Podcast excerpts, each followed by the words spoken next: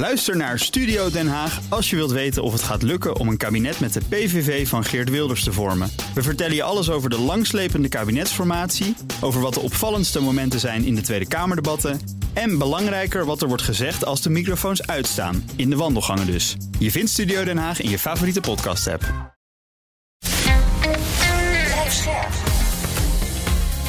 BNR Nieuwsradio. Boekenstein en de Wijk. Hugo Reitsma. Welkom bij Boekenstein en de Wijk. Het is vrijdag, dag 646 van de oorlog in Oekraïne. Maar we beginnen in het Midden-Oosten, waar Israël na een week van wapenstilstand vandaag de aanvallen op de Gazastrook heeft hervat. Verslaggevers van Agence France Presse maken melding van beschietingen door gevechtsvliegtuigen op onder meer Gazastad en Rafah. Dat is het zuiden van de Gazastrook. Zouden zes doden zijn gevallen. Premier Netanyahu heeft gezegd dat Hamas geen gijzelaars meer wil vrijlaten en dat daarmee de voorwaarden voor de wapenstilstand zijn geschonden. Ja, het verbaast me eerlijk gezegd niet dat uh, Hamas uh, dus uh, weer begonnen is. die heeft denk ik niet ontzettend veel belang bij een wapen, wapenstilstand of een echte vredesregeling. En de reden is dat deze oorlog begonnen is om een algemene oorlog in de regio te ontketenen. Hm. En als je gewoon ziet wat er op dit ogenblik op de achtergrond gebeurt, dan is het interessant om te zien dat de proxies, dus de strijdgroepen die aan uh, Iran zijn gelieerd, die worden op dit ogenblik versterkt. Hm. Dus er, eh, er wordt ook vrees uitgesproken dat die zo versterkt worden dat ze een grotere aanval kunnen uitvoeren vanuit Libanon, Syrië. Maar ook zeg maar eh, via de Irak-route op, uh, op Israël. Ehm, nou, als dat gebeurt, dan wordt inderdaad die, ehm, die strijd vergroot. Tegelijkertijd zie je dat Saoedi-Arabië heeft gezegd van nou, we willen best wel investeren in Iran, economisch gezien. Maar dan moeten jullie wel ervoor zorgen dat een regionale oorlog uitblijft. Hmm. Dus dat, dat hele idee van die regionale oorlog speelt buitengewoon, uh, een buitengewoon grote rol. En Hamas heeft er absoluut belang bij om zo'n grote regionale oorlog te beginnen. Want als je dat niet doet, dan weet je gewoon zeker dat je uiteindelijk verslagen wordt en dat je helemaal niets hebt uh, bereikt. Dus uh, Hamas heeft zijn doelstelling niet bereikt. Is mijn, dit, is mijn, dit is mijn analyse. Uh, heeft zijn doelstelling niet bereikt en moet dus gewoon nu echt doorpersen en ervoor, zorgen uh, dat de escalatie verder wordt opgepookt, uh, zodat ze uiteindelijk hun doelstellingen toch kunnen bereiken. En realiseer je, ehm, dit plan is al meer dan een jaar bekend. we hebben helemaal in het begin van deze oorlog hebben daar ook al over gesproken en ook geconstateerd dat er toen fabelachtige inschattingsfouten zijn gemaakt met betrekking tot de uh, de, de, inlichting die kwamen uit in Israël is genegeerd. Ja. Uh, er mhm. is te veel nadruk eh, gelegd op technische oplossingen, inclusief het elektronisch winnen van, van inlichtingen. Ehm, de, de Iron Dome, daar is volledig op vertrouwd. Nou, die is toen overweldigd. we weten dat Israël in politiek zo gepolariseerd was dat de uh, dat de aandacht feitelijk is afgeleid van de hele kwestie Hamas. En nu komt daar dus bij dat die plannen bekend waren, maar dat uh, eigenlijk iedereen in Israël dacht van, nou, dat gaan ze toch niet doen. Want het is allemaal veel te complex. En daar hebben ze de, uh, de spullen niet voor. En ja, die oefeningen die hebben ze wel gehouden, maar dat is niet zo belangrijk. Dus het is allemaal weggevecht. Het doet heel sterk denken aan 9-11. Ja, de New York Times die schrijft het, dat dit plan van Hamas al breed circuleerde binnen de Israëlische krijgsmacht, maar dat ze het als te hoog gegrepen hebben afgedaan. Ja, ook met 9-11, dus meer dan uh, eh, 20 eh, jaar geleden, met de aanvallen van Al-Qaeda op uh, New York en uh, Washington, was het eigenlijk precies hetzelfde. Alles was, was bekend. ook de, het circuleerde uh, breed. Hè, dat, we hebben altijd gedacht van dat die Amerikaanse of dit soort geheimen niet breed gecirculeerd worden. Is echt lulkoek. Ik bedoel, het wordt gewoon breed gecirculeerd. En dat, dat werkt ook, dat, dat komt ook door de wijze waarop die hele geheimhouding georganiseerd is. Dat zijn redelijk gesloten bolwerken waar ook opmerkelijk genoeg weinig uit naar buiten komt. Dus dat is helemaal fout gegaan. Maar goed, ik denk inderdaad dat Hamas ehm, ja, zijn doelstelling niet bereikt heeft. En Kijk, eh, meneer Salami, dat is een generaal, dat is een, eh, die is van de uh, Iraanse revolutionaire garde. Uh, die mag niet salami, toch? In Iran? is toch verboden? nou, in dit geval mag het kennelijk wel, zo heet hij man nou eenmaal. Maar die heeft ook al in augustus vorig jaar gezegd: van als je Israël wil pakken, eh, dan moet je dat eigenlijk van binnenuit doen en vanuit de flanken. Maar een grote aanval van landen is niet te doen. Dat moet je doen, doen door middel van die strijdgroepen. En nou, dit is ook het scenario wat toen is uitgedacht. e- even terug. Het bestand is dus gebroken. Hè? Ja. En dat komt omdat erop, heeft erop uitgelegd. eh, het is echt heel cynisch. Maar het belang van Hamas is een totale regionale oorlog. Tot nu toe is dat niet gelukt. We zien weliswaar versterkingen van Iran, maar het is ongelooflijk belangrijk en constructief van Saoedi-Arabië dat ze gezegd hebben: we willen wel investeren in Iran. We zien dus nu dat Saoedi-Arabië een matigende factor is. Amerika heeft geen invloed op Iran. Heeft ook nauwelijks contact met Iran. Dat doet Saoedi-Arabië door die nieuwe eh, eh, semi-bondgenootschap. hè. Nou, nou, ik kan je zeggen dat als het dus mislukt, hè, stel je voor dat die regionale oorlog uitblijft, which is a big if, we hebben heel veel geluk nodig.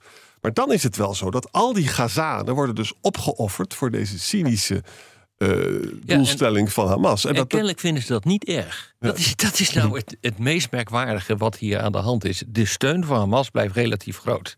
Dat is echt heel merkwaardig. maar ik denk dat als alles kapot gebombardeerd is, dat, dat er toch wel mensen second thoughts hebben over niet, deze maar de operatie. haat is eh, ten opzichte van Israël is denk ik zo groot dat men eh, een, een keuze maakt, althans een aantal mensen, een groot deel van de bevolking, van nou liever dood dan dat. Het is een beetje wat we tijdens de, de Koude Oorlog in dit deel van de wereld hadden van liever dood dan rood. En dat ging dan over de aanval die Ja. zou komen vanuit de Sovjet-Unie. Nou, dat is denk ik eh, eh, redelijk vergelijkbaar met wat hier gebeurt. Er is gewoon onvoorstelbaar veel haat op Ja. Gaza, maar er is ook heel veel haat in Israël zelf. Hè? Ja. Eh, Anthony Blinken heeft het Israëlische oorlogskabinet gezegd dat ze nou ja, snel moeten zijn. Komt het eigenlijk op meer. Ja. Dat eh, ze misschien nog maar een paar weken hebben voordat de internationale druk te groot zal worden. En ook de Amerikanen eh, verdere strijd niet kunnen steunen. Hij heeft heel, no- nog een keer herhaald: spaar burgerlevens, doe het op een andere manier, spaar ziekenhuizen en laat de humanitaire steun eh, doorgaan. Maar het komt wel redelijk machteloos eigenlijk over dat Amerika het herhaalt dat steeds. En wat er nu gebeurt is dat er die pamfletten zijn nu op Gan Yunis gedropt. Hè? Dat is in het zuiden. En gaat u daar weg? Het is heel duidelijk dat, dat Israël in het zuiden wil herhalen wat ze in het noorden heeft Ja, maar gedaan. we hebben twee dagen geleden hebben we hier eh, betoogd dat in Gan Yunis, daar zit een van de leiders van Hamas. Ja. Die is, schijnt daar gelokaliseerd te zijn. Hm. En die moet dood. Ja. Dus eh, ze hebben nu gezegd van ga uit die stad. Want ze hebben dus inderdaad die pamfletten op die stad eh, gegooid. Ja. Ga die stad uit, dan kunnen we vrijelijk gaan bombarderen. Ja, dan vrees ik dat die man zelf ook eh, vertrekt. Maar goed, eh, dan, dan zullen ze zeggen... ja, nee, dat was ook dan nog een hoofdkwartier van Hamas. En dat is denk ik ook zo. En eh, een hoofdkwartier moet ik zeggen. En dat moet gewoon kapot. Dus ik, ik, ik denk dat hier ook een relatie eh, is. Zeker. En als eh, deze stad dan ook nog een keer eh, kapot gebombardeerd is, dan zou er een nieuwe fase kunnen aanbreken, waardoor je zegt van oké, nu heb ik mijn doelstelling in belangrijke mate bereikt en nu kunnen we weer gaan praten over een, over een bestand. En dan is natuurlijk militair nog steeds de vraag: kun je al die Hamas-leiders uitschakelen? Ik geloof dat. Ja, dat kan helemaal niet. Nee, Kan dat, niet. bedoel, dat kun je wel vergeten. Dat, Ja. Er wordt iedere keer gedacht dat het een fluitje van de cent is. Ja. Er zijn dezelfde onzin-discussies als we moeten Poetin uitschakelen. Ja, dat, dat, dat kan helemaal niet. Wie ook is uitgeschakeld is Henry Kissinger. Dat werd ook wel eens tijd natuurlijk. De man was al 100. Ehm maar Arjan, voor jou toch misschien een, eh, een moeilijk momentje geweest. Toch jouw intellectuele held. Nou, ik vind het een indrukwekkende man. En eh, laat ik een bruggetje maken vanuit het Midden-Oosten. Hij was de man van de vrede tussen Israël en Egypte in 1975. Wat dus een hele nieuwe orde op het Midden-Oosten gaf. Groot verlies van Rusland. Die raakte Egypte dus kwijt. Hè. En eigenlijk is dat door Poetin, door die Syrische oorlogen, is die, die Kissinger-orde dus weer omgedraaid. Want nu Poetin zit sterk in Syrië. Nou, even heel kort een paar aantal opmerkingen. Je ziet nu dat in de journalistiek natuurlijk alleen maar wordt gezegd dat het een oorlogsmisdadiger is. Hè. Nou, er zijn zeker allemaal vraagtekens bij te plaatsen bij zo'n operatie in Vietnam en ook in Oost-Pakistan en Oost-Timor. Chili, Maar- Cambodja. Ja, de man heeft wel waar, een paar maar dingetjes eh, Maar er is ook een andere kant. Dit was een evenwichtsdenker, hè? een balance of power denker. En die mensen, die- er wordt altijd gezegd dat het immoreel is. Maar als er een machtsevenwicht is, dan is er geen oorlog als het goed is. En dan vallen er geen doden. Dus het heeft ook een moreel aspect. Hè? Daarom wordt hij dus Neil Ferguson, in dat prachtige biografie, noemt hij dus ook een idealistische realist. Hè? Hij, is ook hij zegt van, luister, er is geen oorlog als er een fysiek machtsevenwicht, de krijgsmacht even groot, maar er moet ook een moreel machtsevenwicht. Als de legitimiteit door een heleboel mensen niet wordt onderschreven, heb je ook instabiliteit. Dat zeggen wij ook steeds met de Global South en het Arabisch-Israëlische conflict. Dat de legitimiteit aan het dalen is en dat leidt tot instabiliteit. Hè? Nou, verder nog even. Je kunt van die man alles vinden. Hij heeft een ongelooflijk mooi proefschrift geschreven over het congres van Wenen. Ook in het mooiste Engels dat je maar kan bedenken. Mhm. Waarbij hij dus laat zien dat Metternich in staat is geweest in zijn eentje de ondergang van het Habsburgse Rijk met 100 jaar uit te stellen. Moet je je voorstellen van die heerlijke sweeping statements. Hè. Zijn boek Diplomacy kan ik iedereen aanraden. Je kan het voor een paar grijpstuivers kopen. Hele overzicht van de 19e en 20e eeuw. Heel mooi geschreven. Ik, eh, het, wat je er verder van vindt, het was een buitengewoon scherp denker. Het was een jongen die in hè, dus in Beieren, geboren is. Op zijn twaalfde eh, kwam, werd Hitler dus aan de macht. Hij moest vluchten voor de Hitlerjugend. Hij hield erg van voetbal. En, maar daar kon hij niet meer naartoe, want eh, dan zat er de Hitlerjugend. En hij heeft dus geleerd van die verschrikkelijke nazi-barbarij. Hij kon in 1938 vluchten met zijn vader en zijn moeder en zijn zus.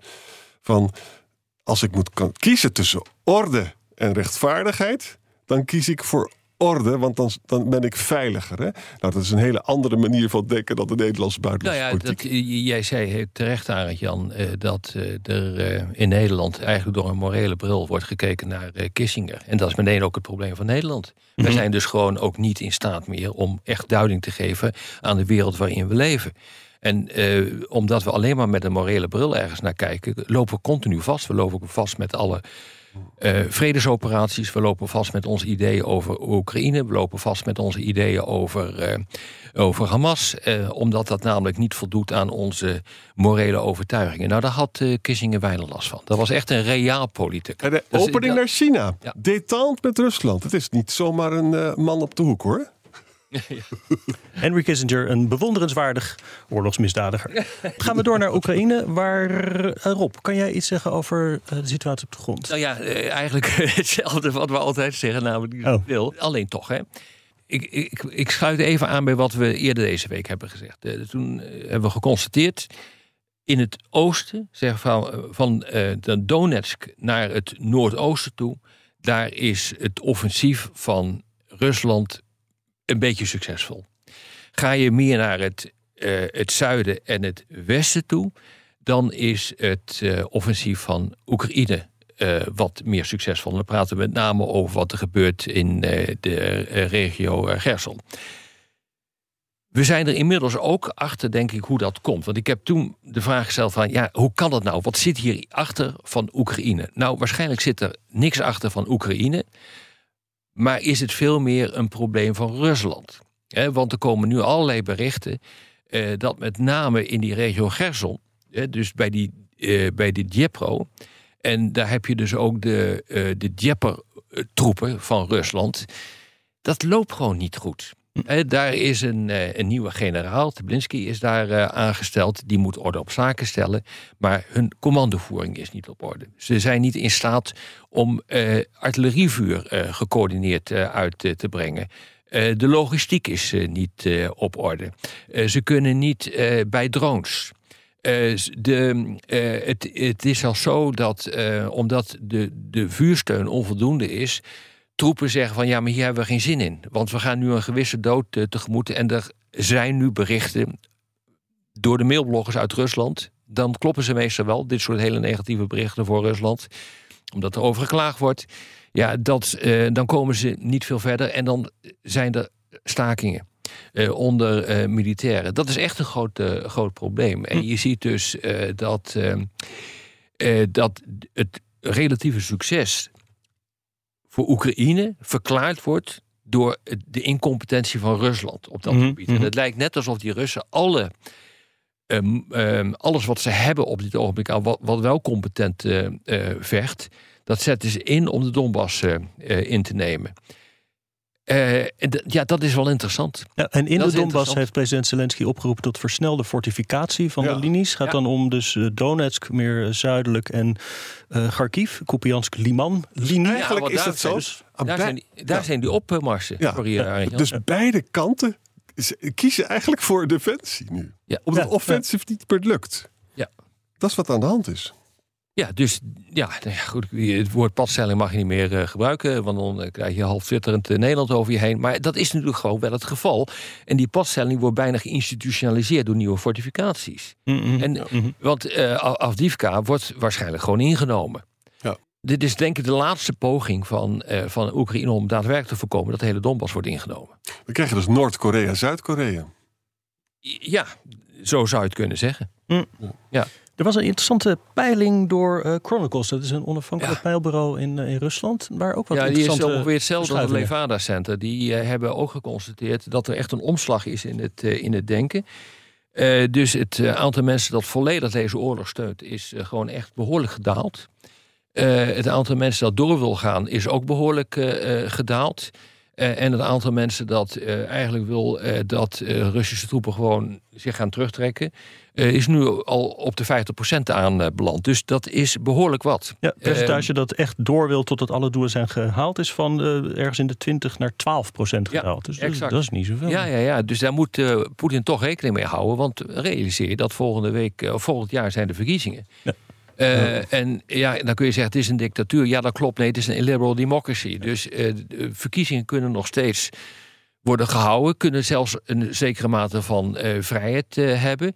En dan moet zo'n zo'n zo'n potentaat, die moet er toch rekening mee houden. Maar Poetin heeft al een nieuwe vijand gevonden in de internationale LHBTI-beweging, die nu op gelijke voet is gesteld met Ja. islamitische staat. Het zijn gevaarlijke mensen. ja. Oeh. Nou ja, dat, dat betekent dus dat je een zondeboek aan het, uh, aan het uh, be- bedenken Het is misschien een beter campagnethema voor Poetin dan de oorlog zoals die op dit Nou moment ja, gaat. wij, wij hebben natuurlijk al onze zondebok ook in dit eh, land. En eh, Ja. Poetin, eh, die altijd eh, zich ziet als eh, de grote beschermer van de waarden in dat, eh, in dat land, ja, die pakt, eh, die pakt dit. Maar het, als je ook kijkt wat er op dit ogenblik gebeurt in, eh, ehm, in Rusland, er komen steeds meer berichten van enorme protesten. Althans, protestacties in de richting van het ministerie van Defensie. Dus pakweg 180.000 eh, eh, klachten zijn er binnengekomen sinds het begin van de oorlog. En dat heeft onder andere te maken met het eh, feit dat je niks hoort over vermiste personen. eh, dat betalingen achter, eh, de salarissen blijven Ja. achter, die worden gewoon niet uitbetaald. Moeders boos. Ja, exact. Dus je ziet op dit ogenblik dat er een soort. Ja, een, nou, het is nog niet echt een sociale onlust ontstaat, maar het is wel onvrede die zich steeds meer manifesteert. Hè? Wat het ook mogen betekenen, maar dat, gezien het feit dat het ook zo slecht gaat op delen van het front, dat het vastzit, eh, dat er verkiezingen komen, nou ja, dan zou je misschien kunnen verwachten dat er op een gegeven moment ook wordt gezegd van, nou ja, misschien moeten we toch eens nadenken over een oplossing. En even een bruggetje maken van als de zaak dus vastzit, hè, dan ligt in het verlengde daarvan dat je misschien ooit gaat praten. Hè? Nou, de, de OVSV is bijeengekomen en daar is allemaal gedonder met Lavrov. Hè, die mocht niet door het Bulgaarse luchtruim. En eh, uiteindelijk is het dus wel gelukt. En OVSE, dat is de Organisatie voor Veiligheid en Samenwerking in Europa. En daar zitten dus. Rusland en de Europese landen in. Hè? Ja. Laatste Exact. forum En dat- waar echt over Europese veiligheidskwesties wordt. En het is altijd belangrijk dat je wel praat dan dat je niet praat. En wat we, we zien in deze wereld, dat is Oekraïne en de Baltische Staten, die lopen dan dus weg. Hè? Bulgarije sluit het luchtruim af. Maar ja, Lavrov moest daar wel komen. Want als Rusland niet had mogen komen, dan was dus de OVSV de nek omgedraaid. Dan heb je helemaal niks meer. Hè? Dus ik probeer een pleidooi te houden van je moet altijd internationale gremia hebben om überhaupt met elkaar te kunnen praten. is beter dan, dan ni- niks te doen. Ja, en wat interessant is in die OVC, daar is gesproken ook over een mogelijke vredesregeling, althans een staakt het vuren of wat dan ook. Ja. Dus onmiddellijk ook door Peskov, de regeringswoordvoerder, is dat in de prullenbak eh, gegooid. Lavrov is daar feil overheen gegaan en je zegt, de, die hele OVC die kan maar gestolen worden. Dat is een... eh, die staat op eh, de punt van de, eh, eh, van de afgrond. Dus eh, dat moeten we allemaal niet hebben. Maar het feit dat dat daar gebeurt, ook met Lavrov erbij, is wel, denk ik, betekenisvol. Het lijkt, lijkt mij ook, ja. Het lijkt mij ook. Nou, verder, wat, wat ik een heel belangrijk bericht vind, is dat Charles Michel is de voorzitter van de eh, Europese Raad. Hè? Mhm. Dat is geen eh, fulltime functie, parttime functie. Maar dat zit hij. En die zegt opeens van ja, we hebben grote problemen met die munities en zo. Ik vind dat we nu dat allemaal aan elkaar moeten gaan verbinden. We hebben gewoon een defensie-unie nodig. Hè? Dat is, dat, een defensie-unie is iets ongedefinieerd, maar dat kan heel ver gaan. En dan zegt hij ook: ik wil ook gewoon een een, een, een gemeenschappelijke markt, ook op het gebied van defensie. Want we hebben dus bij het Verdrag van Rome een uitzondering hè, voor defensie. We hebben geen gemeenschappelijke markt. Ja, ja. En ik heb het verleden zelf gepleit. Dat zou je natuurlijk eigenlijk wel moeten doen. Concurrentie en dat je dat beter regelt. Hè. Dus ik vind dat wel, dat, dat Charles Michel, die, die zegt hier de juiste woorden, vind ik. Ja, ik denk dat, die, eh, het, eh, dat het feit dat eh, de Europese Unie niet in staat is om voldoende granaten te produceren. Hè, dus in de NAVO Oekraïne-raad is net bijeengekomen. Aan marge dus van eh, de, eh, de ministeriële bijeenkomst van, eh, de, van de NAVO eh, afgelopen dagen in Brussel. En daar werd gezegd van, nou ja, we zijn nu in staat geweest om 300.000 granaten te leveren van een miljoen. Hm. Dus dat is echt wel een, dat is echt wel een, een geweldig probleem. En dan kun je dus allemaal wel eh, zeggen van, eh, oké, we moeten Oekraïne blijven steunen. Maar als je de industriële capaciteit niet hebt, Precies. ja, dan, eh, dan houdt het gewoon op. Dan zijn dat holle kreten. Dus leiderschap betekent dat je die capaciteit nu zo snel mogelijk eh samen, samenbrengen, staat en privaat. Dat moet natuurlijk nu gebeuren. En, en, en daar zou je, dan moet je dus ook praten over die defensie, maar ook over een gemeenschappelijke markt, ook voor defensiedingen. En niet nationaal protectionisme. Hè? Ja. Oké, wat ook heel belangrijk is, jongens, de Oekraïnse geheime dienst SPU is erin geslaagd om een bom op de rails in Siberië te leggen, waardoor ze de militaire aanvoerlijn eh, bemoeilijkt Dat is. is een is wel een endweg, ja. Goederentrein in de richting van China. Ja. Ja. Hoe kom je daar dan? Je kan er niet zomaar even naartoe vliegen. Nou, dan denk ik dat dat gewoon wel gebeurd is. Want die Oekraïners lijken, eh, zeker als het ook eh Oekraïners zijn die eh, fabelachtig Russisch spreken, die Ja. vallen gewoon niet op. Als jij en ik erin gaan, dan val je onmiddellijk op, Ja. maar, maar, maar zij niet. Ja. Dat is Spetsnaz, hè? Dat is een oud, oud Sovjet-Russisch concept. En ja, dat, misschien zaten ze er al, weet ik veel. Hm. Zou kunnen. Andere dingen? Geen andere dingen?